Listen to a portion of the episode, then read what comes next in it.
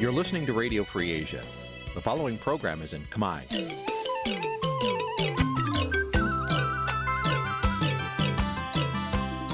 Nǐ chi càm bi tiệp xáy vệt chiu a zì sê ray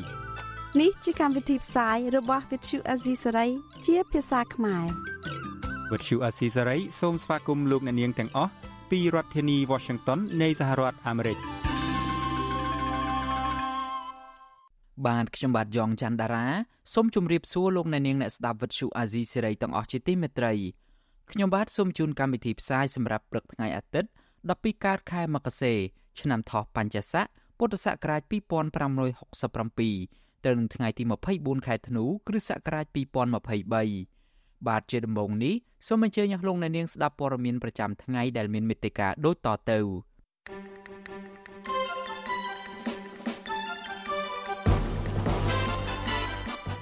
អ្នកជំនាញថារដ្ឋាភិបាលលោកហ៊ុនម៉ាណែតនឹងជួបវិបត្តិសេដ្ឋកិច្ចកាន់តែយ៉ាប់នៅឆ្នាំ2024សង្គមស៊ីវិលជំរុញឲ្យតុលាការផ្ដន្ទាទោសជនបង្ក ដែលប្រណាំងឡានបុកមនុស្សស្លាប់ហើយរត់គេចខ្លួនពលរដ្ឋនៅខេត្តកំពង់ធំបារម្ភពីការរុះរើផ្ទះសម្បែងនិងផលប៉ះពាល់លើដីស្រែចម្ការដោយសារចិនសាងសង់ទំនប់ទឹក ស្ថានភាពរស់នៅរបស់ពលរដ្ឋខ្មែរមួយចំនួននៅប្រទេសថៃនិងក្តីរំពឹងរបស់ពួកគាត់នៅឆ្នាំ2024រួមនឹងព័ត៌មានសំខាន់ៗមួយចំនួនទៀត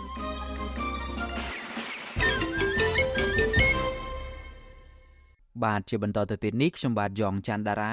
សូមជូនព័ត៌មានទាំងនេះពឺស្ដាអ្នកជំនាញផ្នែកសេដ្ឋកិច្ចវិយតម្លៃថារដ្ឋាភិបាលរបស់លោកហ៊ុនម៉ាណែតនឹងជួបវិបត្តិសេដ្ឋកិច្ចកាន់តែយ៉ាប់យ៉ឺននៅឆ្នាំ2024ខាងមុខ ពួកគាត់លើកឡើងថាលោកហ៊ុនម៉ាណែតដឹកនាំប្រទេសមិនខុសពីឪពុករបស់លោកនោះទេ ដែលបញ្ហានេះនឹងធ្វើឲ្យប្រជាពលរដ្ឋកាន់តែរងទុក្ខលំបាកបាទលោកទីនសាការីយ៉ាសូមជូនសេចក្តីរាយការណ៍ពិស្ដារអំពីរឿងនេះដូចតទៅអ្នកជំនាញសេដ្ឋកិច្ចព្យាករណ៍ថារដ្ឋាភិបាលរបស់លោកហ៊ុនម៉ាណែតនឹងមិនអាចស្ដារសេដ្ឋកិច្ចឲ្យរីកចម្រើនធ្វើឲ្យប្រជាពលរដ្ឋរស់នៅសុខសប្បាយដោយដល់ក្រុមបកពួកគ្រួសារត្រកូលហ៊ុនរស់នៅសប្បាយលើទ្រព្យសម្បត្តិមហាសាលនោះឡើយ អតីតរដ្ឋមន្ត្រីក្រសួងសេដ្ឋកិច្ចនិងហិរញ្ញវត្ថុលោកសំរងស៊ីមានប្រសាសន៍ថាលោកហ៊ុនម៉ាណែតគ្រាន់តែជានាយករដ្ឋមន្ត្រីទិញមងតែប៉ុណ្ណោះលោកអះអាងថាលោកហ៊ុនសែននៅតែជាអ្នកកិច្ចចង្កូតដឹកនាំប្រទេសដដែលលោកសំរងស៊ីបន្ថែមថាដោយសារតែលោកហ៊ុនសែននៅតែមានឥទ្ធិពលលើការដឹកនាំនេះហើយទើបធ្វើឲ្យការដឹកនាំរបស់លោកហ៊ុនម៉ាណែតគ្មានអ្វីផ្លាស់ប្ដូរឬរីកចម្រើនបាននោះទេ ឪគាត់ធ្វើអាក្រក់ទាំងប៉ុន្មានគាត់បន្តធ្វើអាក្រក់មានតែធ្វើអាក្រក់ថែមទៀតដើម្បីបង្ហាញថាគាត់ស្មោះត្រង់ជាមួយឪគាត់លោកហ៊ុនម៉ាណែតនៅតែយើងហៅថាជាជាអាយ៉ងជាតុកតា ជាអ្នកឈរឈ្មោះណាឈរឈ្មោះជានាយករដ្ឋមន្ត្រីថ្មីតែមែនតើអ្នកកាន់អំណាចគឺលោកហ៊ុនសែនដែលកាន់អំណាចពេញដៃដដែលរដ្ឋាភិបាលដឹកនាំដោយលោកហ៊ុនម៉ាណែតដើរលើកន្លងឪពុករបស់លោកគឺលោកហ៊ុនសែនដដែល លោកបានចាប់យកចិនជាខ្នងបង្អែកសេដ្ឋកិច្ចទោះជាលោកធ្លាប់អះអាងថាលោកដឹកនាំប្រទេសមិនងាកទៅប្រទេសណាមួយខ្លាំងក៏ដោយបញ្ហានេះក៏ជាកត្តាចម្បងដែលធ្វើឲ្យកម្ពុជាក្រោមការដឹកនាំរបស់ត្រកូលហ៊ុននេះរងសម្ពាធសេដ្ឋកិច្ចពីប្រទេសលោកសេរីដូចជាការបាត់បង់ប្រព័ន្ធអនុគ្រោះពន្ធ EBA ពីសហភាពអឺរ៉ុបនិង GSP របស់អាមេរិកជាដើមលើសពីនេះទៀតក្នុងរយៈពេលប្រមាណឆ្នាំចុងក្រោយនេះកម្ពុជាក៏បាត់បង់អ្នកវិនិយោគពីប្រទេសលោកសេរីច្រើនដែរ អ្នកវិនិយោគដែលចូលមកកម្ពុជានោះគឺអ្នកវិនិយោគចិនដែលមកវិនិយោគលើវិស័យអចលនទ្រព្យវិស័យនេះកំពុងតែជាប់គាំងនៅពេលបច្ចុប្បន្ននេះជាស្ដែងដូចជានៅទីក្រុងប្រសេះអនុត្រូវបានគេប្រសិទ្ធនាមថាជាទីក្រុងខ្មោចឬអាគារខ្មោចជាដើមទោះបីជាបែបនេះក្តីក្រសួងសេដ្ឋកិច្ចនិងហិរញ្ញវត្ថុបានចេញរបាយការណ៍ព្យាករណ៍ថាសេដ្ឋកិច្ចកម្ពុជានៅឆ្នាំ2024នឹងកើនឡើង6.6%ខណៈដែលឆ្នាំ2023កំណើនសេដ្ឋកិច្ច5.5% ក្រសួងអះអាងថាវិស័យដែលជួយជំរុញកំណើនសេដ្ឋកិច្ចនោះមានវិស័យឧស្សាហកម្មកាត់ដេរទេសចរនិងកសិកម្មជាដើមទោះបីជាក្រសួងសេដ្ឋកិច្ចអះអាងបែបនេះក្តីគឺលោកសំរងស៊ីលើកឡើងថារដ្ឋាភិបាលរបស់លោកហ៊ុនម៉ាណែតនេះពិបាកនឹងរំពឹងថានឹងអាចស្ដារសេដ្ឋកិច្ចឲ្យរីកចម្រើនបាននៅឆ្នាំ2024ដោយសារតែរដ្ឋាភិបាលមិនទាន់មានទំនាក់ទំនងល្អឡើងវិញជាមួយអាមេរិកនិងអឺរ៉ុបលោកថាបញ្ហានេះអ្នកដែលរងផលប៉ះពាល់ខ្លាំងជាងគេនោះគឺប្រជាពលរដ្ឋ តួលេខស្ថិតិផ្លូវការដែលគេយកមកបង្ហាញដែលវាខុសស្រឡះពីការពិតឥឡូវការពិតយើងត្រូវមើលអីមើលជីវភាពរស់នៅរបស់ប្រជាពលរដ្ឋជីវភាពរស់នៅជីវភាពប្រចាំថ្ងៃរបស់ប្រជាពលរដ្ឋភាគច្រើនលើសលប់ខ្ញុំមិននិយាយពីពួកមហាសេដ្ឋីក្រុមគ្រួសារបពពួកហ៊ុនសែនទេពួកហ្នឹងគេមានស្រុកស្ដំយើងមិនចាំបាច់ខ្វល់ខ្វាយពីគេទេតែប្រជាពលរដ្ឋខ្ញុំជឿថា90% ដែលមានកង្វះខាតពិបាករស់ជាទីបំផុតធនាគារពិភពលោកបានចេញរបាយការណ៍កាលពីដើមឆ្នាំ2023ថាគិតត្រឹមឆ្នាំ2022សេដ្ឋកិច្ចកម្ពុជាបានធ្លាក់ចុះធ្វើឲ្យបរតខ្មែរជាង1លាន2សែននាក់រស់នៅក្រោមបន្ទាត់ភាពក្រីក្រឬមានន័យថាមនុស្សម្នាក់រកចំណូលបានតិចជាង2ដុល្លារ7សេនឬប្រមាណជាង10000រៀលក្នុងមួយថ្ងៃខណៈដែលប្រជាប្រដ្ឋខ្មែរចំនួនពាក់កណ្ដាលប្រទេសចំណាយត្រឹមតែជាង4ដុល្លារ ឬប្រមាណនឹង16000រៀលឬតិចជាងនេះក្នុងមួយថ្ងៃអ្វីដែលធ្វើឲ្យកាន់តែធ្ងន់ធ្ងរថែមទៀតនោះកម្ពុជាបានដកដង្ហើមសេដ្ឋកិច្ចពឹងលើប្រទេសចិនជាកត្តាចម្បងក៏ប៉ុន្តែប្រទេសចិនសប្តាហ៍នេះកំពុងតែជួបវិបត្តិសេដ្ឋកិច្ចធ្ងន់ធ្ងរនៅស្របពេលដែលប្រទេសមួយចំនួនលើពិភពលោកកំពុងតែជួបឧបសគ្គរឿងទំនិញឡើងថ្លៃឬអតិផរណានោះតែប្រទេសចិនជួបរឿងផ្ទុយពីនេះទៅវិញរយៈពេលប្រមាណខែចុងក្រោយនេះចិនកំពុងតែមានវិបត្តិផលិតផរណា ពលគឺទំនិញនិងថ្លៃសេវាចុះថោកកាន់តែខ្លាំងធ្វើឲ្យមនុស្សលែងចាយលុយនិងគ្មានការងារធ្វើអ្នកជំនាញសេដ្ឋកិច្ចបានបញ្យល់ថាប្រទេសដែលមានអតិផរណាទំនិញឡើងថ្លៃឬមានបរិបទផរណាតំណែងចោះថោកកាន់តែខ្លាំងនោះ មានន័យថាប្រទេសនោះកំពុងតែមានវិបត្តិសេដ្ឋកិច្ចធ្ងន់ធ្ងរពួកគេថាផលប៉ះពាល់សេដ្ឋកិច្ចនៅប្រទេសចិននេះនឹងសាយភាយដល់កម្ពុជាមុនគេដោយសារតែកម្ពុជាជាកូនអុកសេដ្ឋកិច្ចរបស់ចិនស្រាប់ទៅហើយនោះអ្នកខ្លោមើលផ្នែកអភិវឌ្ឍសង្គម បណ្ឌិតសេនស៊ូរីមានប្រសាសន៍ថា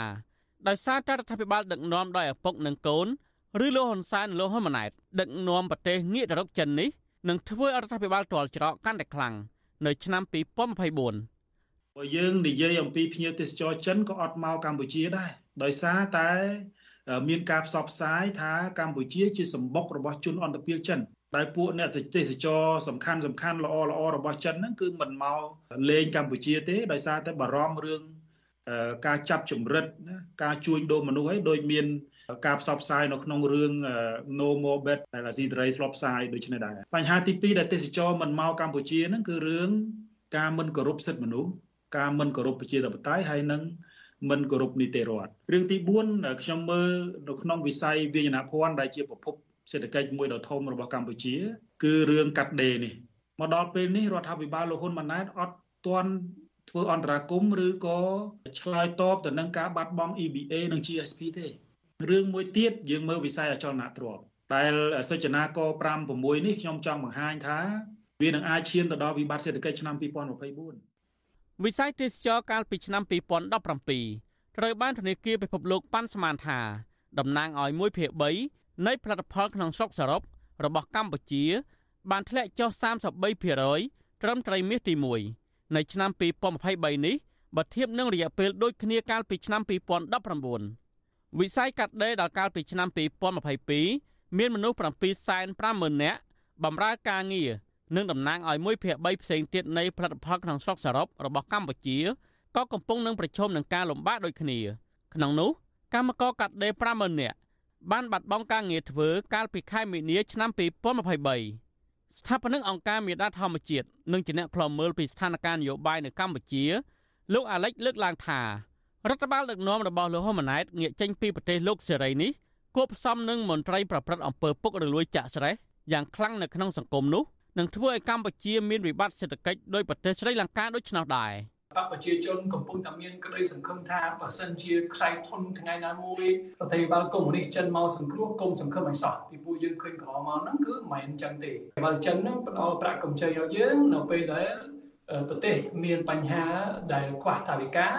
ចឹងហ្នឹងគឺអត់មានលទ្ធភាពហើយអត់មានចន្ទៈនយោបាយហ្នឹងដើម្បីដោះស្រាយបញ្ហាទេអ្វីដែលចឹងទួគឺឆក់យកខ្សាច់ឆក់យកឈើឆក់យកកំពង់ផែឆក់យកដីធ្លី មេដឹកនាំបដិការនិងបកពួករបស់រដ្ឋាភិបាលស្រីលង្កាមិនខុសពីកម្ពុជាឡើយបានបង្កើតបកពួកនិងប្រព្រឹត្តអំពើពុករលួយចាក់ស្រេះនៅក្នុងសង្គមរដ្ឋាភិបាលប្រទេសនេះបានជំពាក់បំណុលបរទេសកាន់តែច្រើនជាពិសេសជំពាក់បំណុលចិនមិនខុសពីកម្ពុជាឡើយ។ដោយសារតែប្រទេសនេះជំពាក់បំណុលចិនគឺចិនបានរឹបអូសយកកំពង់ផែហាំវ៉ាន់តូតាដល់កំពង់ផែនេះបានខ្ចីប្រាក់ពីចិនចំនួន1200លានដុល្លារ និងកម្ចីជាង35000ដុល្លារផ្សេងទៀតនៅទីបំផុតទៅ ប្រជាពលរដ្ឋស្រីលង្កាបានធ្វើបាតកម្មបណ្ដេញមេដឹកនាំចេញពីអំណាចកាលពីឆ្នាំ2022រីឯកម្ពុជាវិញ ការអភិវឌ្ឍប្រទេសក៏រដ្ឋាភិបាលពឹងលើកម្ចីនិងជំនួយរបស់ចិនច្រើនដែរមកទល់ពេលនេះកម្ពុជាបានជំពាក់បំណុលបរទេសប្រមាណជា10,000លានដុល្លារអាមេរិកហើយក្នុងចំណោមបំណុលទាំងនេះកម្ពុជាជំពាក់ចិនប្រមាណជា40% ក្រុមអ្នកជំនាញសេដ្ឋកិច្ចលើកឡើងថាបើសិនជារដ្ឋាភិបាលរបស់លោកហ៊ុនម៉ាណែតនៅតែងប់ងល់ពឹងលើសេដ្ឋកិច្ចរបស់ចិនតែមួយនៅស្របពេលដែលចិនកំពុងតែមានវិបត្តិសេដ្ឋកិច្ចផងនោះសេដ្ឋកិច្ចកម្ពុជានៅឆ្នាំ2024ងើបមិនរួចហើយក៏នឹងកាន់តែយ៉ាប់យ៉ឺនខ្ញុំបាទទីនសាការីយ៉ាអស៊ីសេរីប្រធានាធិបតី Washington លោកអ្នកនាងកំពុងស្ដាប់ការផ្សាយរបស់ Vuthu Azizi Serai ពីរដ្ឋធានី Washington នៃសហរដ្ឋអាមេរិក ពលករខ្មែរមួយចំនួនធ្វើការនៅប្រទេសថៃរកប្រាក់ដោះស្រាយជីវភាពគ្រួសារស្ទើរតែមិនគ្រប់ក៏ប៉ុន្តែពួកគាត់នៅតែមិនព្រមត្រឡប់មកកម្ពុជាវិញឡើយពួកគាត់អះអាងថាមូលហេតុដែលបន្តធ្វើការនៅប្រទេសថៃគឺដោយសារតែជីវភាពក្រីក្រ ហើយគ្មានការងារធ្វើនៅកម្ពុជាខណៈពួកគាត់មួយចំនួនជំពាក់បំណុលធនាគារមិនទាន់សងរួចនៅឡើយ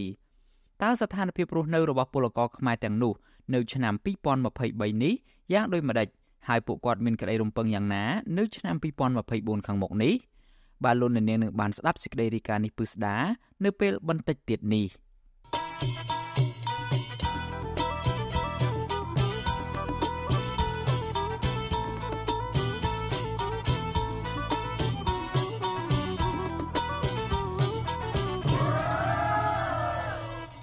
បាទលោកអ្នកនាងជាទីមេត្រីយើងងាកមកចាប់អារម្មណ៍ពាក់ព័ន្ធទៅនឹងរឿងគ្រោះថ្នាក់ចរាចរណ៍ឯនេះវិញជនសង្ស័យបើករថយន្តបុកកីឡាករវាយសីស្លាប់នៅខណ្ឌទួលគោកបានប្រគល់ខ្លួនឲ្យសមត្ថកិច្ចហើយក្រោយពីបានរត់គេចខ្លួនអស់រយៈពេល9ថ្ងៃសង្គមស៊ីវិលជំរុញឲ្យតុលាការផ្ដន្ទាទោសលើជនបង្កប្រកបដោយតម្លាភាពដើម្បីបង្ហាញពីភាពយុត្តិធម៌និងប្រសិទ្ធភាពនៃការអនុវត្តច្បាប់នៅកម្ពុជា បាទលោកយុនសាមៀនរាយការណ៍ព័ត៌មាននេះ ជនសង្ស័យឈ្មោះព្រំវិចិត្រសុសដាបានចូលសារភាពនៅស្នងការដ្ឋាននគរបាលរាជធានីភ្នំពេញតាមដីការបស់អាយកាសាលាដំបងរួចហើយសមត្ថកិច្ចបានកសាងសំណុំរឿងនេះទៅតុលាការជាបន្តនៅថ្ងៃទី23ធ្នូបន្ទាប់ពីជនសង្ស័យ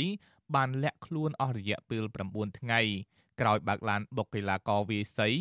លោកសៀងកំហុងស្លាប់កាលពីថ្ងៃទី14ធ្នូ ការចូលសារភាពនេះធ្វើឡើងបន្ទាប់ពីមានការដាក់បញ្ជាពីលោកនាយករដ្ឋមន្ត្រីហ៊ុនម៉ាណែតនិងស្ថាប័នក្រសួងយុតិធធបន្ទាប់ពីមានការរីគុណពីប្រជាពលរដ្ឋរឿងអយុត្តិធម៌ក្នុងសង្គមវិទ្យុអាស៊ីសេរីមិនអាចតាក់ទងអគ្គស្នងការរងនិងជាស្នងការនគរបាលរាជធានីភ្នំពេញលោកជួនណារិនដើម្បីសុំការបកស្រាយបានទេនៅថ្ងៃទី23ធ្នូ ប៉ុន្តែលោកជួននរិនបានប្រាប់សារព័ត៌មានរបស់រដ្ឋាភិបាលថាអ្នកបើករថយន្តឈ្មោះព្រំវិចិត្រសុសដានិងគ្រួសារបានចូលខ្លួនមកកាន់ស្នងការដ្ឋាននគរបាលរាជធានីភ្នំពេញ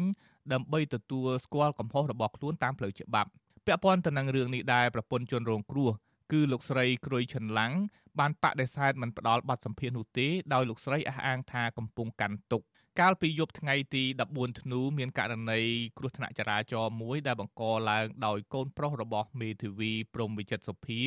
គឺលោកព្រំវិចិត្រសុសដាដែលបានបើកឡានទំនើបប្រណាំងជាមួយឡានទំនើបផ្សេងទៀតរួចក៏ជ្រុលទៅបុកលោកសៀងកំហុងនៅសង្កាត់បឹងកក់2បណ្ដាលឲ្យស្លាប់ លោកសៀងកំហុងគឺជាកីឡាករវាយសី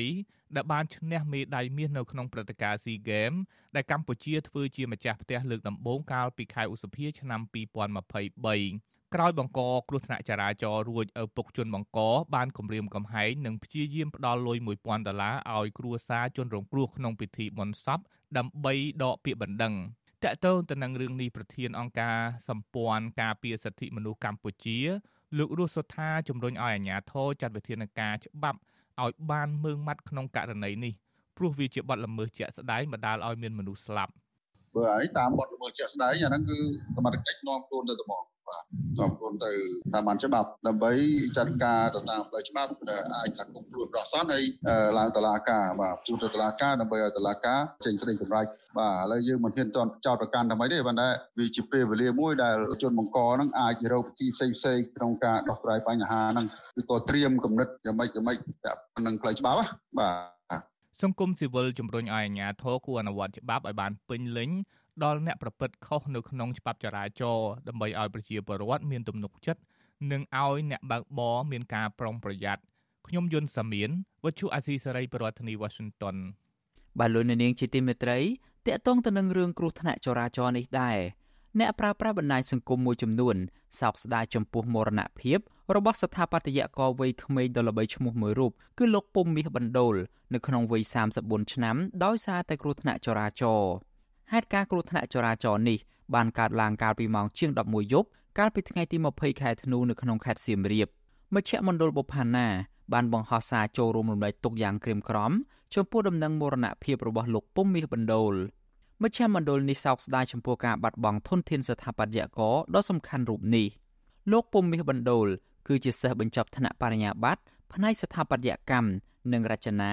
នៅសាកលវិទ្យាល័យបញ្ញាសាស្ត្រកាលពីឆ្នាំ2014និងបច្ចុប្បន្នជាស្ថាបត្យករ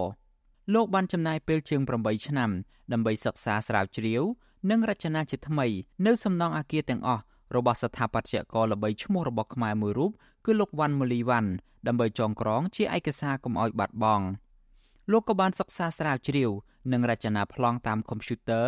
នៅគំនូរប្លង់ Digital ចាប់តាំងពីឆ្នាំ2014រហូតមកដល់ថ្ងៃលោកបាត់បង់ជីវិតនេះ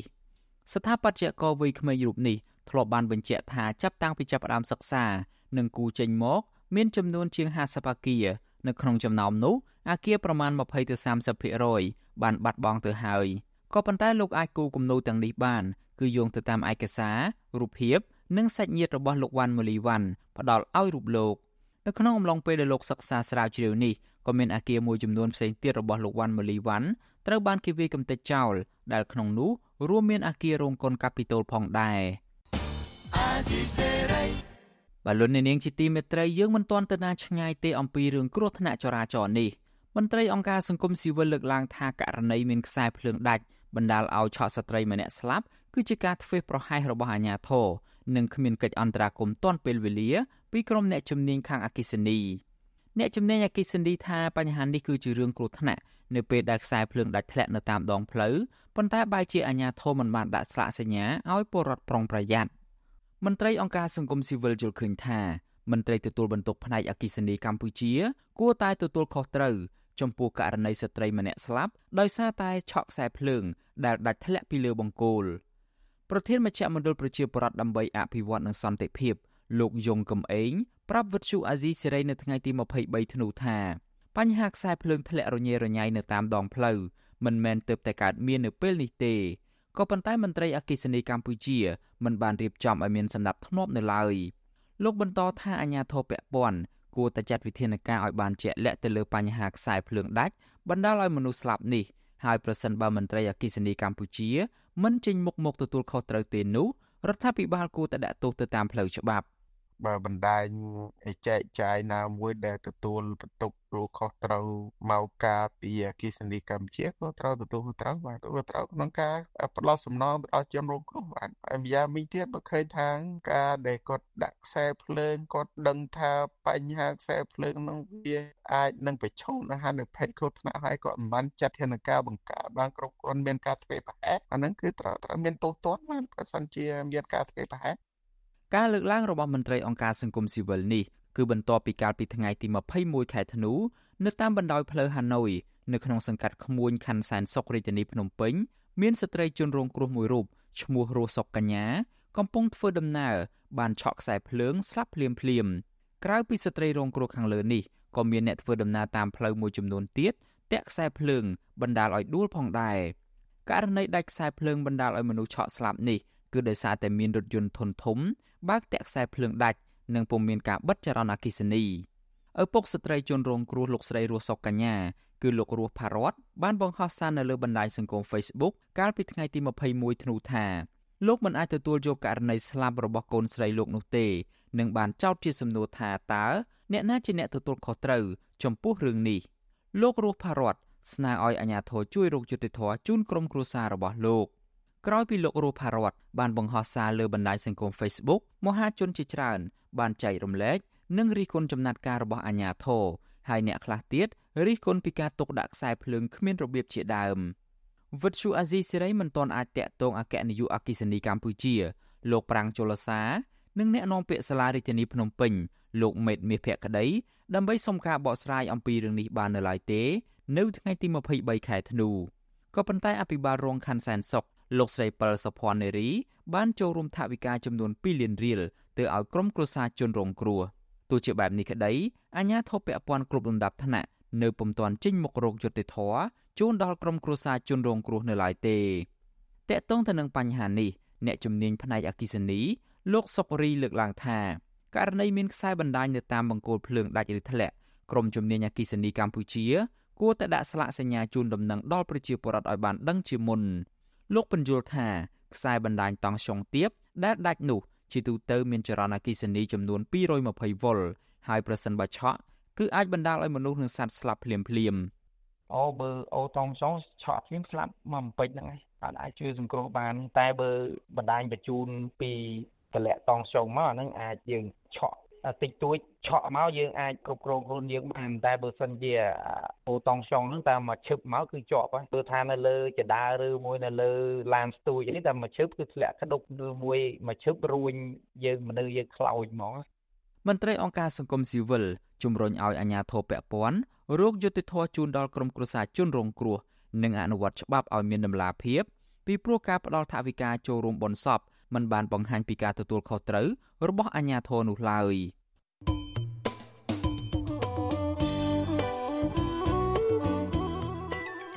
លោកអ្នកនាងជាទីមេត្រីដំណើរគ្នានឹងស្ដាប់ការផ្សាយរបស់ Vuthu Azizi Serai តាមបណ្ដាញសង្គម Facebook YouTube និង Telegram លោកអ្នកនាងក៏អាចស្ដាប់កម្មវិធីផ្សាយរបស់យើងតាមរយៈវិទ្យុរលកថេដាកាខ្លី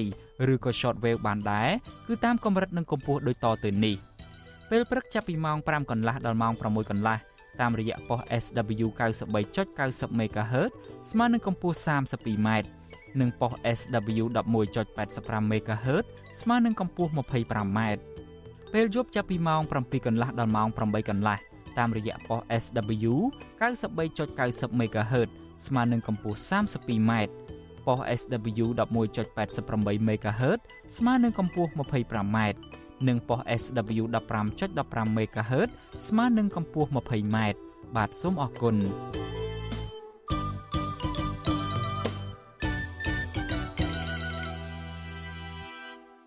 បាទលោកអ្នកនាងជាទីមេត្រីយើងងាកទៅចាប់អារម្មណ៍រឿងទំនាក់ទំនងរវាងកម្ពុជានិងថៃឯនេះវិញ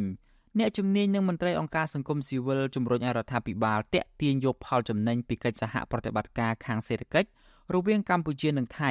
ដើម្បីជំរុញឲ្យទំហំពាណិជ្ជកម្មកម្ពុជាកុំឲ្យចាញ់ប្រៀបថៃដោយសពថ្ងៃនេះគណៈពលរដ្ឋខ្មែរចំណាក់ស្រុកទៅធ្វើការនៅក្រៅប្រទេសកាន់តែច្រើនឡើងសំណើបែបនេះធ្វើឡើងនៅមុនពេលលោកនាយរដ្ឋមន្ត្រីហ៊ុនម៉ាណែតក្រុងធ្វើដំណើរទស្សនកិច្ចទៅប្រទេសថៃនៅខែកុម្ភៈឆ្នាំ2024ខាងមុខនេះបាទលោកច័ន្ទដារ៉ូរាយការណ៍អំពីរឿងនេះជូនលោកអ្នកនាង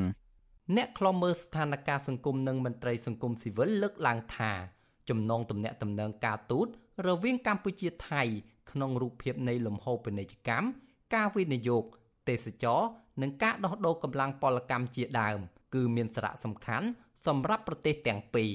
ប៉ុន្តែពួកគេថាផលប្រយោជន៍ពីការទំនាក់ទំនងនោះមិនទាន់ស្មើភាពគ្នានៅឡើយដែលរដ្ឋាភិបាលកម្ពុជាគួរយកឱកាសនៃការពង្រីកពាណិជ្ជកម្មនៅតាមព្រំដែនកាត់បន្ថយអនុភាពពាណិជ្ជកម្មនិងដោះស្រាយបញ្ហារបស់ពលករចំណាក់ស្រុក។ អ្នកជំនាញផ្នែកវិទ្យាសាស្ត្រនយោបាយលោកអែមសវណ្ណារាប្រាប់វិទ្យុអាស៊ីសេរីនៅថ្ងៃទី23ខែធ្នូដោយលោកមើលឃើញថា ប្រទេសជិតខាង ជាពិសេសថៃមានព្រៀបលើសលប់លើកម្ពុជា តាំងពីសតវត្ស90មក ទាំងពាណិជ្ជកម្មការដឹកជញ្ជូនទំនិញជាដើម លោកយល់ថាលោកនាយករដ្ឋមន្ត្រីហ៊ុនម៉ាណែត គួរយកដំណើរទស្សនកិច្ចរបស់លោក ទៅប្រទេសថៃនៅដើមឆ្នាំក្រោយនេះតាក់ទាញអ្នកវិនិយោគថៃ និងទេសចរឲ្យបានច្រើនជាងបច្ចុប្បន្នទើបកម្ពុជាទទួលបានផលចំណេញពីកិច្ចសហប្រតិបត្តិការនៃប្រទេសទាំងពីរទន្ទឹមនឹងនេះលោកអែមសវណ្ណរាប្រាប់ទៅរដ្ឋាភិបាលកម្ពុជាចាំបាច់ត្រូវតែពង្រឹងសេដ្ឋកិច្ចឲ្យបានរឹងមាំថែមទៀតតាមរយៈការបណ្ដុះបណ្ដាលធនធានមនុស្សការពង្រឹងផលិតកម្មផ្គត់ផ្គង់តម្រូវការក្នុងស្រុក និងនាំចេញដោយជៀសវាងពឹងផ្អែកលើទំនិញប្រទេសជិតខាងទាំងស្រុងយ៉ាងថាតែការផ្លាស់ប្ដូរទំហំពាណិជ្ជកម្មជាកិច្ចការល្អហើយយើងសូមលើកទឹកចិត្តក៏ប៉ុន្តែគួរតែភាគីកម្ពុជាខ្លួនឯងរៀបចំពង្រឹងយន្តការហេដ្ឋារចនាសម្ព័ន្ធគេហៅថាសេដ្ឋកិច្ចខ្លួនឯងទៅគឺយើងអាចកិច្ចសហប្រតិបត្តិការជាមួយទ្វេភាគីឬក៏ភូភាគីកម្ពុជាអាចបានអត្ថប្រយោជន៍ច្រើនការលើកឡើងនេះមុនពេលលោកនាយករដ្ឋមន្ត្រីហ៊ុនម៉ាណែត ទៅបំពេញទស្សនកិច្ចនៅទីក្រុងបាងកកប្រទេសថៃ នៅខែកុម្ភៈឆ្នាំ2024ដើម្បីជជែកអំពីកិច្ចសហប្រតិបត្តិការទ្វេភាគី ជាពិសេសពាណិជ្ជកម្មនៅតាមព្រំដែនរវាងកម្ពុជានិងថៃនាយករដ្ឋមន្ត្រីថៃ លោកសេដ្ឋាថាវិសិនបានប្រាប់ប្រព័ន្ធផ្សព្វផ្សាយក្នុងស្រុកថៃ កាលពីថ្ងៃទី18ខែធ្នូអំពីដំណើរទស្សនកិច្ចរបស់មេដឹកនាំកម្ពុជា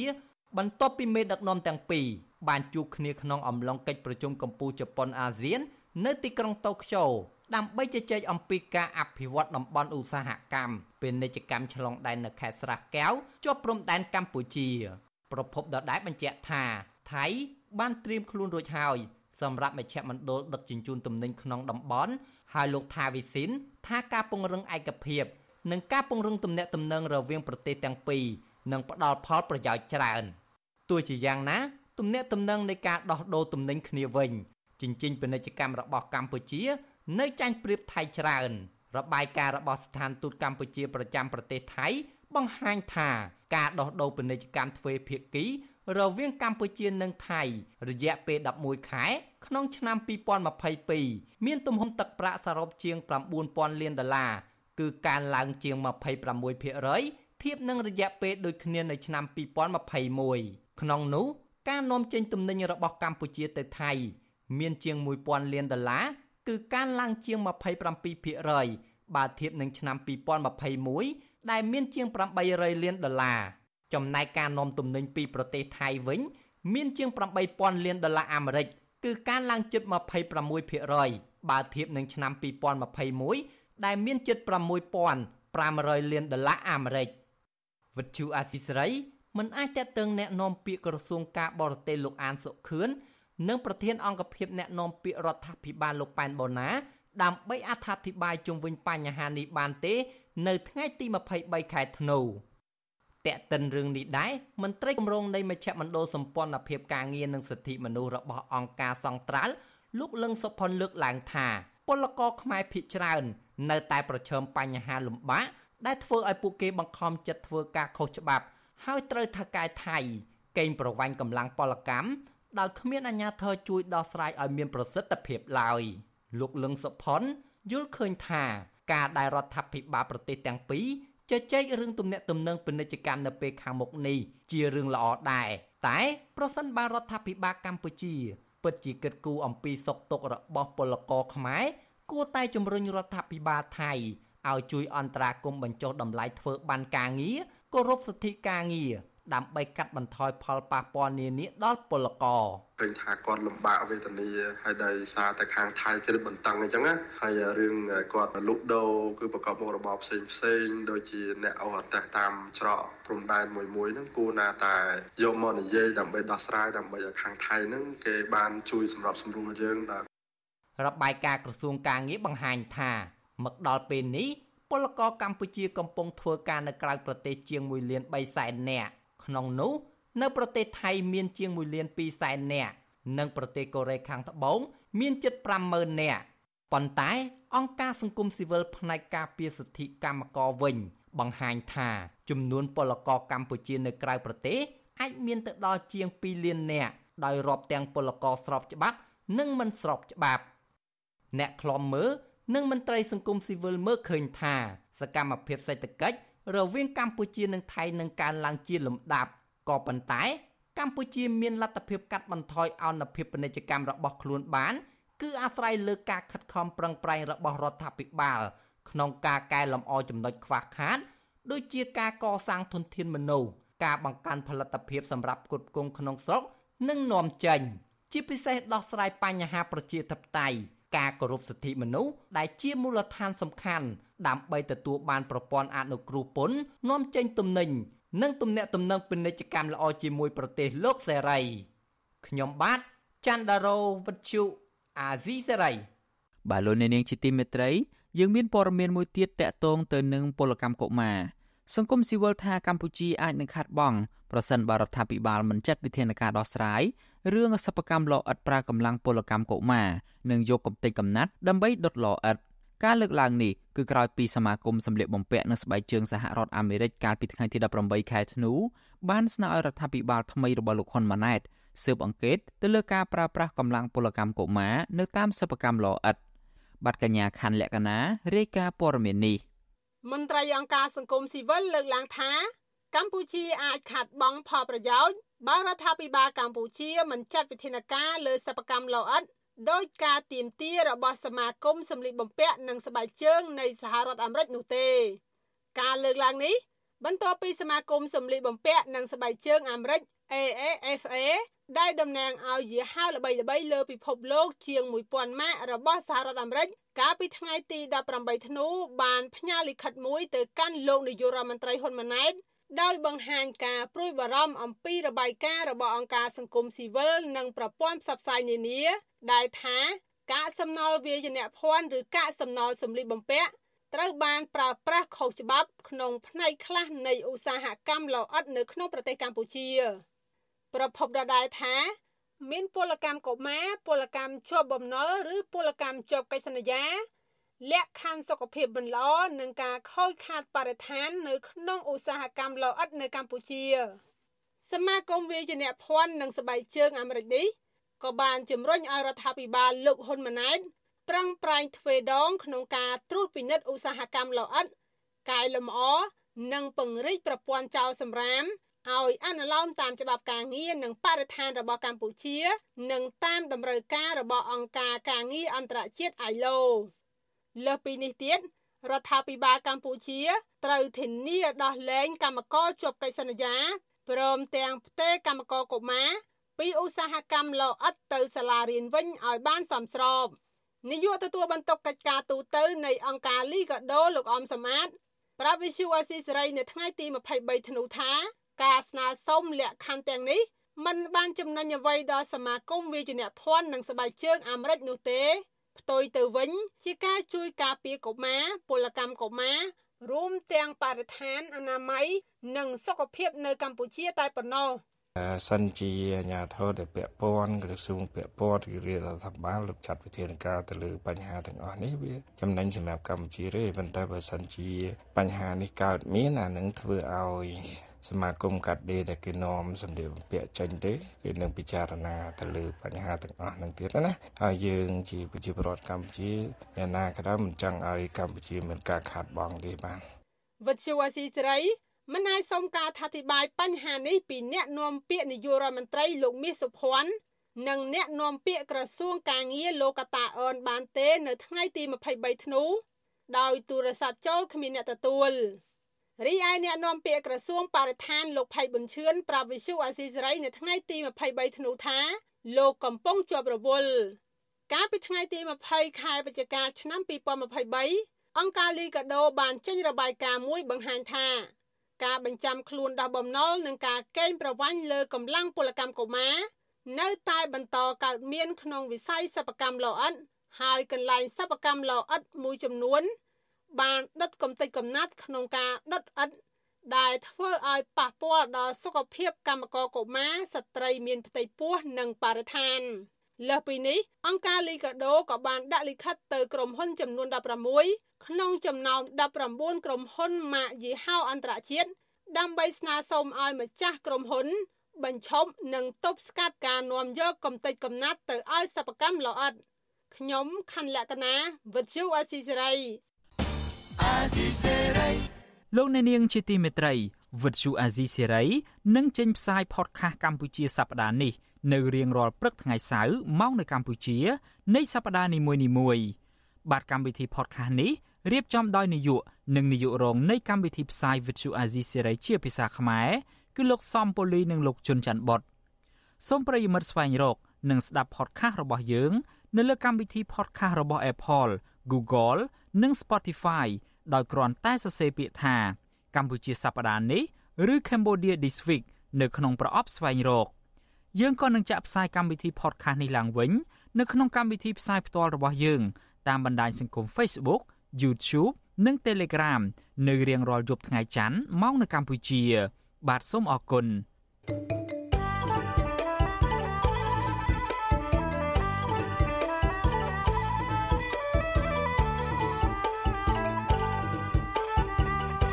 បាទលោកអ្នកនាងជាទីមេត្រីនៅឯខេត្តកំពង់ធំឯនោះវិញ បណ្ដាញសហគមន៍ការពីប្រៃឡង់ខេត្តនេះឲ្យដឹងថាថ្មីថ្មីនេះពួកគាត់សង្កេតឃើញក្រុមហ៊ុនមួយដែលមានស្លាកយីហោជាអក្សរចិន បានដើរបាញ់ថ្នាំក្រហមដើម្បីកំណត់ទីតាំងព្រំដីដែលត្រូវគេឈូសឆាយធ្វើជាទំនប់ទឹកដ៏ធំមួយដែលគេមិនទាន់ដឹងអំពីគោលបំណងច្បាស់លាស់នៅឡើយការបាញ់ថ្នាំពណ៌ក្រហមដើម្បីកំណត់ព្រំដីឈូសឆាយនេះអាចនឹងធ្វើឲ្យប៉ះពាល់ផ្ទះសម្បែងរបស់ប្រជាពលរដ្ឋមួយចំនួននៅក្នុងភូមិស្រែខ្សាច់និងព្រៃឈើច្រើនហិកតាផងដែរ បាទអ្នកស្រីម៉ៅសុធានីរាយការណ៍ព័ត៌មាននេះពឹស្ដាជូនលោកអ្នកនាងប្រជាប្រដ្ឋមួយចំនួននៅភូមិស្រែខ្សាច់និងភូមិស្រែវាលឃុំដងកំបិតស្រុកសណ្ដានខេត្តកំពង់ធំ កំពុងព្រួយបារម្ភចំពោះការរុះរើផ្ទះសម្បែងទៅរកកន្លែងថ្មី និងការប៉ះពាល់ដោយស្រែចម្ការដោយសារតែក្រុមហ៊ុនមួយ ចាប់ផ្ដើមបោះការដ្ឋានសាងសង់ទំនប់ទឹក នៅតំបន់ដែលពួកគេកំពុងរស់នៅ។ អ្នកភូមិត្រាយខ្សាច់ម្នាក់លោកសេងសឿនឲ្យដឹងថាក្រុមហ៊ុនមួយកំពុងតែដើរបាញ់ថ្នាំក្រហម ដើម្បីកំណត់ទីតាំងព្រំដីទំនប់ទឹក បានធ្វើឲ្យប៉ះពាល់ផ្ទះអ្នកភូមិជាច្រើនគ្រួសារបរោះដដែលឲ្យដឹងទៀតថារូបគាត់ក៏ដូចជាអ្នកភូមិខ្លះទៀតកំពុងព្រួយបារម្ភចំពោះការប៉ះពាល់ដីធ្លីស្រែចម្ការនិងផ្ទះសម្បែងដោយសារតែគម្រោងសាងសង់ទំនប់ទឹករបស់ក្រុមហ៊ុនចិននោះ ប៉ះធ្វើផ្ទះនោះឃើញគេទៅស៊ីសសរចិនហ្នឹងខ្ញុំមកធ្វើលេណាក់ភូមិអស់ខ្ញុំហើយចុងជើងហើយបៀតមួងលេងកាក់ឋានចិនប៉ះធ្វើអស់មកខាងមកគ្នាផ្លូវនោះទាំងអស់អន្តរក្រសួងគេមកប្រជុំថ្ងៃនោះថាម៉ោងចាំស្អីអិចរៀបអីណាទេមកសម្រាប់ទៀតពួកអន្តរក្រសួងនោះគ្រាន់តែមកប្រជុំឲ្យដឹងដូចថាដីឈ្មោះណាឈ្មោះណាប្រមាណគ្រួសារអញ្ចឹងណាគេថាសំណងក៏មិនដែលអត់បានដំណើរទេសំណងនោះ អ្នកភូមិស្រែវាលម្នាក់ទៀតលោកខៀវមូនប្រាប់ថាការបាញ់ថ្នាំក្រហមកំណត់ព្រំដីទំនប់ទឹកនោះ បានប៉ះពាល់ផ្ទះប្រជាពលរដ្ឋប្រមាណជា20គ្រួសារលោកថានៅពេលដែលធ្វើទំនប់ទឹករួច គឺវាមិនត្រឹមតែប៉ះពាល់ផ្ទះសម្បែងនោះទេ វាអាចនឹងប៉ះពាល់ដល់ស្រែចម្ការជាច្រើនហិកតាដែលនៅជាប់ទីនោះផងដែរ ព្រួយបារម្ភខ្លាចបាត់ទៅក៏បាក់ទៅមិនលិចអស់ខ្ញុំមើលក្នុងរោមបាក់ទៅនៅវិញអត់ដូចថាពីដើមទៅដើមទៅអត់មានគេបិទមានអីទៅស្រួលមានទាំងហើមតកធូដល់វិញបិទទៀតទៅដូចជាបាក់ដែរបងខ្ញុំទូពុកនៅភូមិនោះគេថាគេអ៊ឺរឿរឿក៏អត់មានថាសំណងអីប្រហែលប្រហែលប្រាប់ពីប្រវត្តិអ៊ឺរឿណាបងបាទមិនដឹងជាអុយលុយប្រហែលមិនដឹងជាប្រហែលថាអុយរឿអ៊ឺរឿគឺគាត់រឿហ្នឹងគាត់ទៅសង់ឯណាបើគាត់មានដីតែនួយបងទោះយ៉ាងណាអ្នកភូមិស្រែវៀននិងស្រែខ្សាច់ នៅមិនទាន់ស្គាល់ឈ្មោះក្រុមហ៊ុនចិន ដែលបានទៅបោះការដ្ឋានសាងសង់ទំនប់ទឹកនៅទីនោះដោយសារតែពួកគាត់មិនចេះអក្សរចិនបណ្ដាញសហគមន៍ប្រៃឡង់ខេត្តកំពង់ធំលោកហឿងសុភីបប្រាប់អជស៊ីស្រីថាក្រុមការងារចិន ដែលបានទៅឈូសឆាយដីធ្វើទំនប់ទឹកបានដាក់ប៉ាយយ៉ាងធំជាអក្សរចិនប៉ុន្តែมันបានបង្ហាញឈ្មោះក្រុមហ៊ុននោះឡើយ មិនតែប៉ុណ្ណោះក៏មិនបានប្រាប់អ្នកភូមិឲ្យដឹងពីគោលបំណងនៃការសាងសង់ទំនប់ទឹកនៅទីនោះសម្រាប់ធ្វើអ្វីដែរលោកហឿងសុភីបន្តថារយៈពេលប្រមាណ2-3ខែនេះលោកឃើញក្រុមហ៊ុនចិនចាប់ផ្ដើមឈូសឆាយដីបណ្ដាលឲ្យប៉ះពាល់ដល់ស្រែចម្ការនិងដំណាំហើយថ្មីថ្មីនេះក្រុមហ៊ុនក៏បានដើរបាញ់ថ្នាំក្រហមប៉ះពាល់ផ្ទះសម្បែងរបស់ប្រជាពលរដ្ឋថែមទៀត លោកក៏ព្រួយបារម្ភទៅដល់ការប៉ះពាល់ប្រៃឈើជាច្រើនហិកតានៅជាប់តំបន់នោះដែរជាជនក៏និយាយប្រាប់ ប៉ះផ្ទះប៉ះដីស្រែដីចម្ការដើម្បីស្រូវភាសាមិញអត់បានច្រូតទេបើចំនួននៅគេប៉ះនោះគេអត់ឲ្យច្រូតទេគេឈូសប្រផ្លាញចម្រងហើយគេសំណងដែរបើសំណងតិចតួចហើយប្រជាជនកំពុងតែភ័យព្រួយនៅក្នុងការចាក់ចេញហើយក្រុមការងារនោះខ្ញុំបានសួរថាប្រជាជនគាត់បានដឹងថាអាជ្ញាធរនិងតំណាងក្រុមហ៊ុននោះគេបានប្រាប់ថាសូមឲ្យរៀបចំនៅក្នុងការរុះរើផ្ទះហើយគោលការណ៍របស់រដ្ឋាភិបាលគេនឹងមានសំណងសំរុំវត្ថុអសីស្រីមិនអាចសុំការបញ្យល់ពីអភិបាលខេត្តកំពង់ធំ លោកងួនរតនៈនិងមេភូមិស្រែខ្សាច់លោកកឹមយឹមជុំវិញបញ្ហានេះបានទេនៅថ្ងៃទី23ខែធ្នូដោយសារតែទូរស័ព្ទលោកទាំងពីរមិនអាចតាក់ទងបានចំណែកអភិបាលស្រុកសណ្ដានលោកអុកវណ្ណរាវិញបដិសេធមិនអធិប្បាយដល់លោកថាកំពុងជាប់រវល់ប្រជុំ ប្រធានសមាគមការពារសិទ្ធិមនុស្សអាត់ហុកលោកនីសុខាមានប្រសាសន៍ថាជាគោលការណ៍កណាក្រុមហ៊ុនមួយទទួលបានសម្បទានពីរដ្ឋាភិបាលទៅធ្វើការអភិវឌ្ឍគឺត្រូវសិក្សាឲ្យបានច្បាស់លាស់ជាមុន អំពីផលប៉ះពាល់ទាំងសង្គមនិងបរិស្ថានលោកថាបើសិនជាប៉ះពាល់ដល់ទ្រព្យសម្បត្តិឬក៏កម្មសិទ្ធិរបស់ប្រជាពលរដ្ឋ ត្រូវតែដោះស្រាយសំណងឲ្យបានត្រឹមត្រូវសមរម្យនិងយុត្តិធម៌ទៅតាមច្បាប់រដ្ឋធម្មនុញ្ញនិងច្បាប់អាសាមិក បើសិនបើវាមានការប៉ះពាល់អញ្ចឹងវាត្រូវការសិក្សាទំហំនៃផលប៉ះពាល់ជាមុនកណាយើងទៅដាក់គម្រោងអភិវឌ្ឍមួយហើយហើយយើងដំណើរការអភិវឌ្ឍដំណើរការធ្វើសកម្មភាពរបស់ក្រុមហ៊ុនហើយដល់ពេលយើងទៅដកចេញមិនងាយទេពីព្រោះថាហ្នឹងវាប៉ះពាល់ដល់ការខូចខាតរបស់ក្រុមហ៊ុនដែរចឹងហើយបានគេតម្រូវឲ្យថាបើសិនជាយើងធ្វើការអភិវឌ្ឍយើងត្រូវសិក្សាផលប៉ះពាល់ជាមុនតើទំហំនៃផលប៉ះពាល់នោះគេអាចធ្វើការអភិវឌ្ឍតំបន់នឹងបានដែរឬក៏អត់ លោកនីសុខាឲ្យដឹងបន្ថែមថាបើសិនជាការអភិវឌ្ឍណាមួយมันបានធ្វើការសិក្សាហើយប៉ះពាល់ប្រជាពលរដ្ឋនិងបណ្ដេញប្រជាពលរដ្ឋចេញ គឺជាការអភិវឌ្ឍមួយដែលបំពានទៅលើសិទ្ធិរបស់ពលរដ្ឋ រហូតមកដល់ពេលនេះគេនៅមិនទាន់ឃើញមានអាជ្ញាធរមូលដ្ឋាន ឬក៏ស្ថាប័នរបស់រដ្ឋាភិបាលណាមួយ ចេញមុខបង្ហាញពីការអភិវឌ្ឍទំនប់ទឹក របស់ក្រុមហ៊ុនចិននៅភូមិស្រែវាលនិងភូមិស្រែខ្សាច់នៃឃុំដងកំបិតត្រកសណ្ដានខេត្តកំពង់ធំ ថាមានផលប៉ះពាល់ក្នុងទំហំប៉ុណ្ណានោះឡើយចាននាងខ្ញុំម៉ៅសុធានីវັດឈូអសីស្រីប្រធានាធិបតី Washington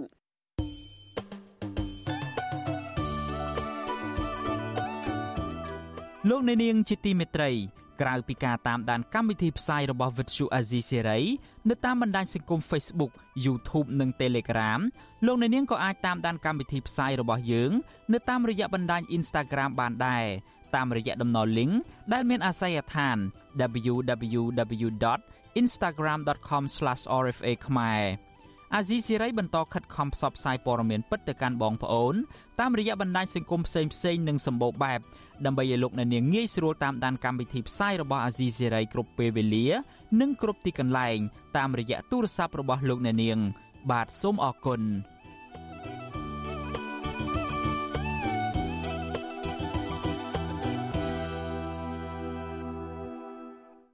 បាទលោកអ្នកនាងជាទីមេត្រីតកតងទៅនឹងរឿងការរំដោះអ្នកទោសនៅឯខេត្តសៀមរាបកាលពីប្រមាណខែមុននេះវិញ មន្ត្រីនគរបាលជាតិអះអាងថាកម្ពុជាកំពុងសហការជាមួយប្រទេសចំនួន3ទៀតគឺវៀតណាមថៃនិងឡាវដើម្បីតាមចាប់មនុស្សយ៉ាងហោចណាស់8នាក់ដែលជាប់សង្ស័យថាពាក់ព័ន្ធទៅនឹងករណីរំដោះអ្នកទោសនៅក្នុងខេត្តសៀមរាបកាលពីខែសីហាកន្លងទៅមន្ត្រីសិទ្ធិមនុស្សរិះគន់ថាការយឺតយ៉ាវតាមចាប់ជនល្មើសដែលប្រព្រឹត្តបទឧក្រិដ្ឋនេះឆ្លុះបញ្ចាំងពីកង្វះឆន្ទៈនិងសេចក្តីស្មោះត្រង់របស់អាជ្ញាធរនៅក្នុងការរៀបចំប្រទេសជាតិឲ្យមានសណ្ដាប់ធ្នាប់ល្អ បាទសូមលោកអ្នកនាងស្ដាប់សេចក្តីរាយការណ៍ដាច់ដライមួយទៀតរបស់អ្នកស្រីម៉ៅសុធានីអំពីរឿងនេះដូចតទៅមន្ត្រីសង្គមស៊ីវិលលើកឡើងថាបញ្ហាអំពើពុករលួយ និងការអនុវត្តច្បាប់ធូររលុងអាចជាផ្នែកមួយ ដែលធ្វើឲ្យអាជ្ញាធរយឺតយ៉ាវក្នុងការស៊ើបអង្កេតស្រាវជ្រាវតាមចាប់ជនល្មើសមួយចំនួនទៀតដែលសង្ស័យរំដោះអ្នកទោសនៅខេត្តសៀមរាបនាពេលកន្លងទៅ ប្រតិកម្មនេះបន្ទាប់ពីការស៊ើបអង្កេតរបស់សមត្ថកិច្ចជាង4ខែកន្លងមកនេះនៅមិនអាចស្វែងរកជនសង្ស័យទាំង8នាក់ដែលកំពុងរត់គេចខ្លួនរឿងរំដោះអ្នកទោសតៃវ៉ាន់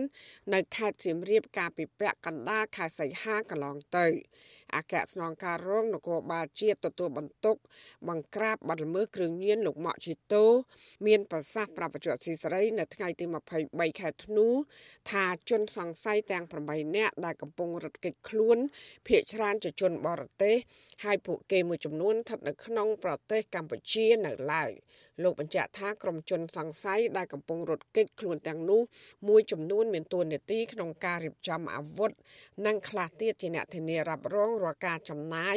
ក្នុងប្រតិបត្តិការរំដោះអ្នកទោសនៅខេត្តសៀមរាបនាពេលកន្លងទៅ។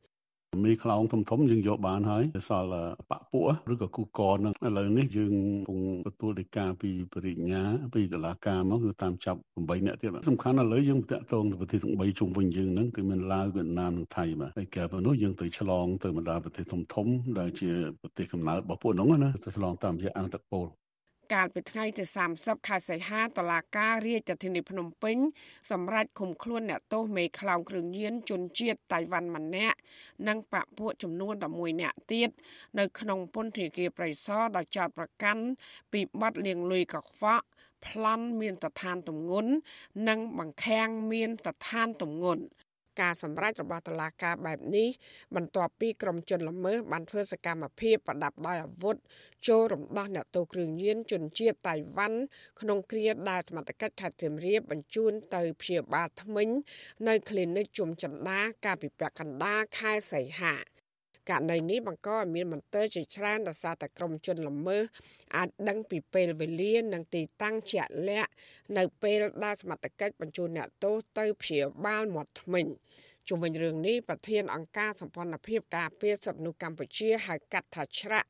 លោករស់សុថាសង្កេតឃើញថានីតិវិធីស៊ើបអង្កេតតាមចាប់ខ្លួនអក្រិតជនមួយចំនួនពុំមែនសមត្ថកិច្ចគ្មានសមត្ថភាព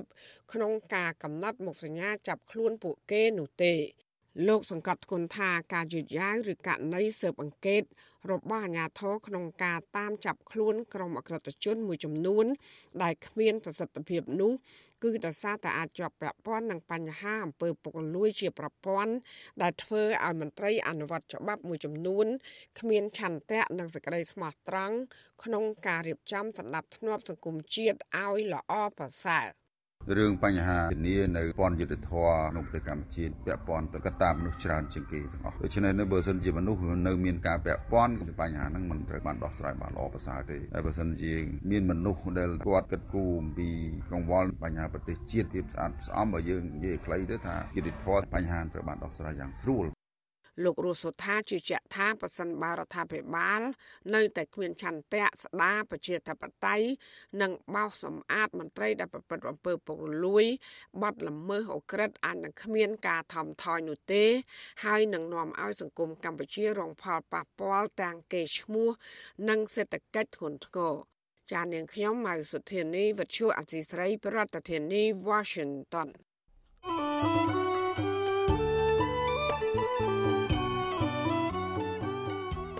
លោកអ្នកនាងកញ្ញាជាទីមេត្រី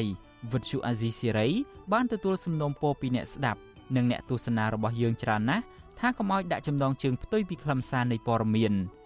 ឧទាហរណ៍ដូចជាដាក់ចំណងជើងថា Vivo ហើយលោកហ៊ុនសែនត្រូវតុលាការព្រហ្មទណ្ឌអន្តរជាតិ ICC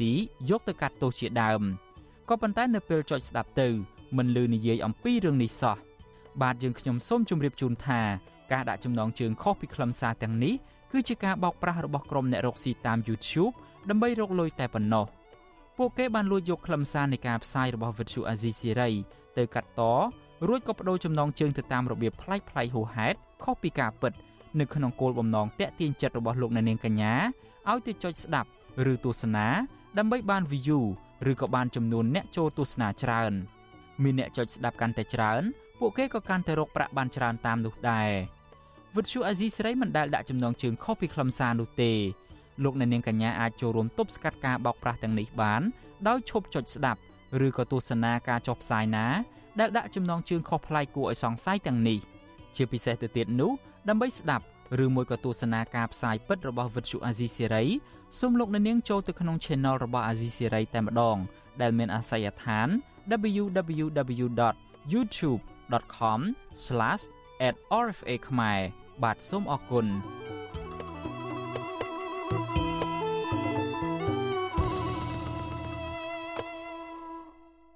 លោកអ្នកនាងកំពុងស្ដាប់ការផ្សាយរបស់ Vuthu Azizi Siri ពីរដ្ឋធានី Washington នៃសហរដ្ឋអាមេរិកពលករខ្មែរមួយចំនួនធ្វើការនៅប្រទេសថៃ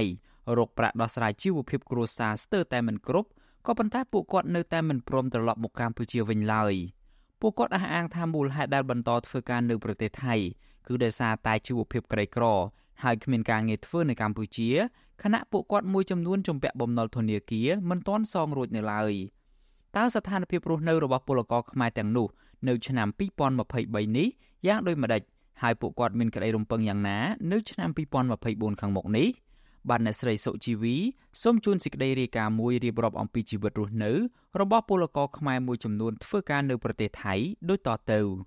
ក្រុមពលករខ្មែរមួយចំនួនធ្វើការនៅប្រទេសថៃលើកឡើងថាពួកគេមិនមានសេចក្តីសុខទេនៅក្នុងឆ្នាំ2023នេះដោយសារតែគ្មានការងារធ្វើទៀងទាត់និងហូបចុកមិនគ្រប់គ្រាន់ហើយអ្នកខ្លះទៀតក៏មិនបានទៅលេងស្រុកកំណើតដែរនៅក្នុងឆ្នាំនេះដោយសារតែគ្មានប្រាក់ ពលករនីដែលជាស្ត្រីមេម៉ាយកូនមួយមានស្រុកកំណើតនៅខេត្តកោះកុងលោកស្រីស្ងួនសុខុមរៀបរាប់ថាលោកស្រីមកធ្វើការនៅក្នុងប្រទេសថៃរយៈពេលជាង5ឆ្នាំមកហើយដោយពុំបានត្រឡប់ទៅកម្ពុជាវិញទេដោយសារតែគ្មានប្រាក់ធ្វើដំណើរពលករនីរូបនេះសប្តាហ៍ធ្វើការនៅផ្នែកលក់ម្ហូបអាហារឲ្យជនជាតិថៃនៅក្នុងខេត្តអយុធ្យាដែលបានប្រាក់ឈ្នួល5000បាតឬស្មើប្រមាណ160ដុល្លារនៅក្នុងមួយខែលោកស្រីបន្តថា ធ្វើការបានប្រាក់ឈ្នួលតិចតួចនេះដោយសារតែគ្មានការងារធ្វើទៀងទាត់លោកស្រីបន្ថែមថាដំបូងឡើយលោកស្រីធ្វើការនៅតាមរោងចក្របានប្រាក់ឈ្នួលគួរសមដែរក៏ប៉ុន្តែប្រមាណ1ឆ្នាំចុងក្រោយនេះថៅកែរោងចក្រមិនទទួលឲ្យលោកស្រីធ្វើការទៀតទេដោយសារតែទឹកធការអស់សុពលភាពហើយលោកស្រីក៏គ្មានប្រាក់បន្តសុពលភាពទឹកធការនោះដែរ ធ្វើម៉េចបើយើងប៉ាសពតអស់អាយុយើងទៅរកធ្វើការងារដែលនៅកន្លែងពងវងគេមិនបានព្រោះអីតកែគេអត់ត្រូវការយើងព្រោះយើងអស់អាណត្តិហើយគេខ្លាចប៉ូលីសចាប់យើងចាប់តកែចាប់អីអស់លុយច្រើនចឹងមិនដូចស្រុកខ្មែរយើងចង់គេធ្វើការមិនក៏បានឥឡូវហ្នឹងការងារទោះបីអ្នកមានប៉ាសពតខ្ញុំសួរគាត់គាត់ថាបានមួយខែ6000 7000ហើយអត់រួចបងថ្លៃហងថ្លៃបន្ទប់អីថ្លៃហូបចុកស្រដៀងគ្នានេះដែរពលករនីម្នាក់ទៀតមានស្រុកកំណើតនៅខេត្តបាត់ដំបងលោកស្រីព្រំសំណាងថ្លែងថា លោកស្រីមកធ្វើការរោងចក្រផលិតថង់ប្លាស្ទិកនៅក្នុងខេត្តរយងប្រមាណ10ឆ្នាំមកហើយដោយបានប្រាក់ឈ្នួលជាង100000បាតឬស្មើប្រមាណ310ដុល្លារនៅក្នុងមួយខែប៉ុន្តែស្ត្រីវ័យ39ឆ្នាំរូបនេះបន្តថាចាប់តាំងពីដើមឆ្នាំ2023មកការងាររបស់លោកស្រីចាប់ផ្ដើមមានបញ្ហាដោយសារថៃកែជនជាតិថៃបានបញ្ចប់កិច្ចសន្យាការងារក្រោមហេតុផលថាលោកស្រីធ្វើការងារច្រើនឆ្នាំមិនរីកចម្រើន និងមានអាយុច្រើន។ លោកស្រីថាពលករខ្មែរប្រមាណ40នាក់ផ្សេងទៀតក៏ត្រូវបានថៅកែបញ្ឈប់ពីការងារក្រោមហេតុផលដោយលោកស្រីដែរ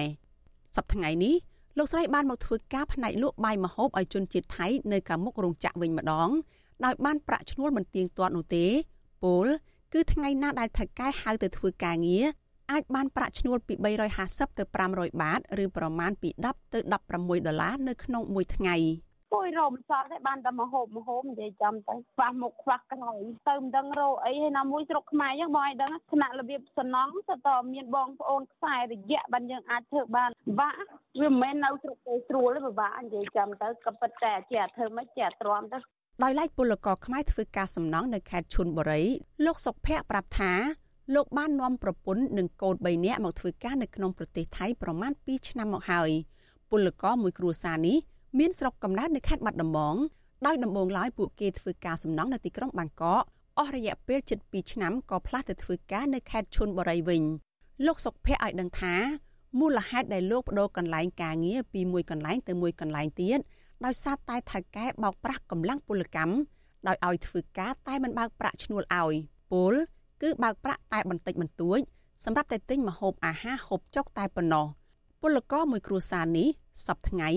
មានជីវភាពខ្វះខាតដោយសារតែគ្មានការងារធ្វើទៀងទាត់ហើយពេលខ្លះពួកគេដាច់ស្បៀងក៏មានដែរសំណាផ្លត់ណាសំណា2 3ថ្ងៃអត់មានអីហូបដែរទូណាទៅអត់សុទ្ធក៏ដោយអត់កុហកអត់លាក់បងហើយមានថ្ងៃបានហ្នឹងទូណាឲ្យកូនហូបហ្នឹងទៅទូណាគួយស្រាក់ទឹកភ្នែកមួយប្រពន្ធមួយអីថៃគេអាណិតជើងគេខ្ញុំជឿគេហូបគេឲ្យហូបទៅក្នុងដីប្រពន្ធទៅកូនទៅប្រាប់គេជឿម្ដងពី300បាតណាមួយថ្ងៃសំណោះបងដេកមិនលក់ទេសំណោះតា លោកបន្តថាបើទោះបីជាស្ថិតនៅក្នុងស្ថានភាពបែបនេះក្តីក៏គ្រួសារលោកនៅតែបន្តខំស្មៅនៅក្នុងប្រទេសថៃបន្តទៀតព្រោះនៅកម្ពុជាអត់ការងារធ្វើខណៈពួកគេជំពាក់បំណុលធនាគារជាង10000ដុល្លារមិនទាន់សងរួចនៅឡើយក្រុមពលករទាំងនេះអះអាងថាក្នុងឆ្នាំ2023នេះពលករខ្មែរនៅក្នុងប្រទេសថៃស្ទើរគ្រប់ទីកន្លែងរស់នៅក្នុងស្ថានភាពលំបាកដោយសារតែគ្មានការងារធ្វើទៀងទាត់ និងបានបដូរការងារពីកន្លែងមួយទៅកន្លែងមួយទៀតជាញឹកញាប់ហើយភ ieck ច្រើនពួកគេកំពុងជំពាក់បំណុលធនាគារនៅស្រុកកំណើតវិទ្យុអាស៊ីសេរីនៅមិនទាន់អាចតាក់ទងแนะនាំពាក្យក្រសួងកាងារលោកកតាអនដើម្បីសុំការអធិប្បាយជុំវិញបញ្ហាទុកលំបាករបស់ពលករខ្មែរនេះបាននៅឡើយទេ នៅថ្ងៃទី21ខែធ្នូប៉ុន្តែកាលពីថ្ងៃទី1ខែកញ្ញាលោកនាយរដ្ឋមន្ត្រីហ៊ុនម៉ាណែតមានប្រសាសន៍ថា កន្លងទៅមន្ត្រីរបស់លោកដែលប្រចាំការនៅក្រៅប្រទេសជាពិសេសនៅប្រទេសថៃកូរ៉េខាងត្បូងនិងម៉ាឡេស៊ីបានយកចិត្តទុកដាក់ចំពោះសុខទុក្ខរបស់ពលករខ្មែរចំណាក់ស្រុកតាមរយៈការអន្តរាគមន៍ផ្ដល់ជំនួយផ្លូវច្បាប់ម្ហូបអាហារនិងផ្ដល់សេវាផ្សេងទៀតកាលពីថ្ងៃទី13ខែកញ្ញាកន្លងទៅរដ្ឋាភិបាលក៏បានបង្កើតគណៈកម្មការត្រួតពិនិត្យនិងដោះស្រាយបញ្ហាចេញចូលរបស់ពលករខ្មែរនៅតាមព្រំដែន ដើម្បីសម្រួលដល់ការធ្វើដំណើរចេញចូលកម្ពុជានិងថៃដោយពុំមានការយកប្រាក់ក្រៅផ្លូវការ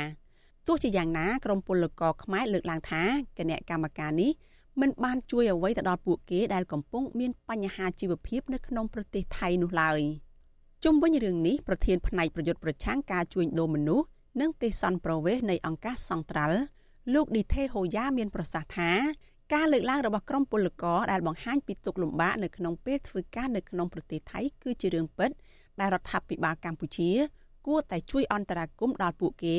នៅក្នុងពេលពួកគេមានស្ថានភាពលំបាកបែបនេះលោកបញ្ជាក់ថាបច្ចុប្បន្ននេះពលករដែលប្រឈមនឹងថៅកែបញ្ឈប់ពីការងារនឹងត្រូវបោកប្រាស់កម្លាំងពលកម្មភ្នាក់ច្រើនជាពលករធ្វើការងារដោយខុសច្បាប់ នៅក្នុងវិស័យសំណង់កសិកម្មនិងលើទូកនេសាទជាដើម។ កាលណាគាត់ត្រូវបានគេជួញដូរកម្លាំងពលកម្មគេប្រវាញ់កម្លាំងពលកម្មគាត់មានថវិកាឯណា ដើម្បីចិញ្ចឹមជីវភាពការរស់នៅប្រចាំថ្ងៃក៏ដូចជាការសងបំណុលជាដើមចឹងអញ្ចឹងអាបញ្ហានេះហើយដែលជាបញ្ហាប្រឈមធំសម្រាប់ពួកគាត់មែនទែនរបាយការណ៍របស់អង្គការសង្ត្រាល់ឲ្យដឹងថាបច្ចុប្បន្នមានពលករខ្មែរធ្វើការស្របច្បាប់និងមិនស្របច្បាប់ជាង2លាននាក់នៅក្នុងប្រទេសថៃហើយក្នុងចំណោមពលករទាំងនោះ មានអ្នកខ្លះ ត្រូវបានថៅកែបោកប្រាស់កម្លាំងពលកម្មដោយធ្វើការមិនអោយប្រាក់ឈ្នួល និងខ្លះទៀតត្រូវបានថៅកែវាយធ្វើបាបនិងប្តឹងទៅសមត្ថកិច្ចថៃឲ្យចាប់ដាក់ពន្ធនាគារក៏មានដែរមន្ត្រីសង្គមស៊ីវិលលើកឡើងថាដើម្បីដោះស្រាយបញ្ហានេះរដ្ឋាភិបាលកម្ពុជាគួរតែអន្តរាគមន៍ទៅរដ្ឋាភិបាលថៃឲ្យសម្រួលធ្វើឯកសារស្របច្បាប់ដល់ពលករទាំងអស់នោះឲ្យបានឆាប់ក្នុងតម្លៃថោកទី2 រដ្ឋាភិបាលត្រូវតាមដានការអនុវត្តច្បាប់របស់ថៃកែថៃមកលើពលករខ្មែរដើម្បីកុំឲ្យពួកគេកេងប្រវ័ញ្ចកម្លាំងពលកម្មពលករក្រមពលកររំពឹងថានៅក្នុងឆ្នាំ2024ខាងមុខនេះនៅប្រទេសថៃអាចនឹងមានការងារធ្វើប្រសើរជាងឆ្នាំនេះដែលធ្វើឲ្យពួកគេ មានលទ្ធភាពរកប្រាក់សងធនាគារបាននិងមានឱកាសបានទៅជួបជុំឪពុកម្ដាយនៅក្នុងពិធីបុណ្យជាតិសំខាន់ៗឡើងវិញចា៎នេះខ្ញុំសូជីវីវិទ្យុអាស៊ីសេរី ពីរដ្ឋធានី Washington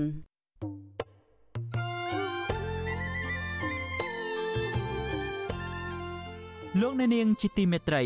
នៅក្នុងឱកាសនេះដែរខ្ញុំបាទសូមថ្លែងអំណរគុណដល់លោកអ្នកនាងកញ្ញាទាំងអស់ដែលតែងតែមានភក្ដីភាពចំពោះការផ្សាយរបស់យើង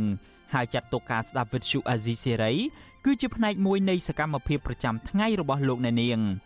គឺការគ្រប់គ្រងរបស់លោកអ្នកនាងនេះហើយដែលធ្វើឲ្យយើងខ្ញុំមានទឹកចិត្តកាន់តែខ្លាំងក្លាថែមទៀតនៅក្នុងការស្វែងរកនិងផ្តល់ព័ត៌មានជូនលោកអ្នកនាងមានអ្នកស្ដាប់អ្នកទស្សនាកាន់តែច្រើនកាន់តែធ្វើឲ្យយើងខ្ញុំមានភាពស្វាហាប់មោះមុតជាបន្តទៅទៀតយើងខ្ញុំសូមអរគុណទុកជាមុនហើយសូមអញ្ជើញលោកអ្នកនាងកញ្ញាទាំងអស់ចូលរួមជំរុញឲ្យសកម្មភាពផ្តល់ព័ត៌មានយើងនេះកាន់តែជោគជ័យបន្ថែមទៀតលោកអ្នកនាងអាចជួយយើងខ្ញុំបានដោយគ្រាន់តែចុចចែករំលែកឬមួយក៏ Share ការផ្សាយរបស់យើង នៅលើបណ្ដាញសង្គម Facebook និង YouTube ទៅកាន់មិត្តភ័ក្តិដើម្បីឲ្យការផ្សាយរបស់យើងបានទៅដល់មនុស្សកាន់តែច្រើន បាទសូមអរគុណ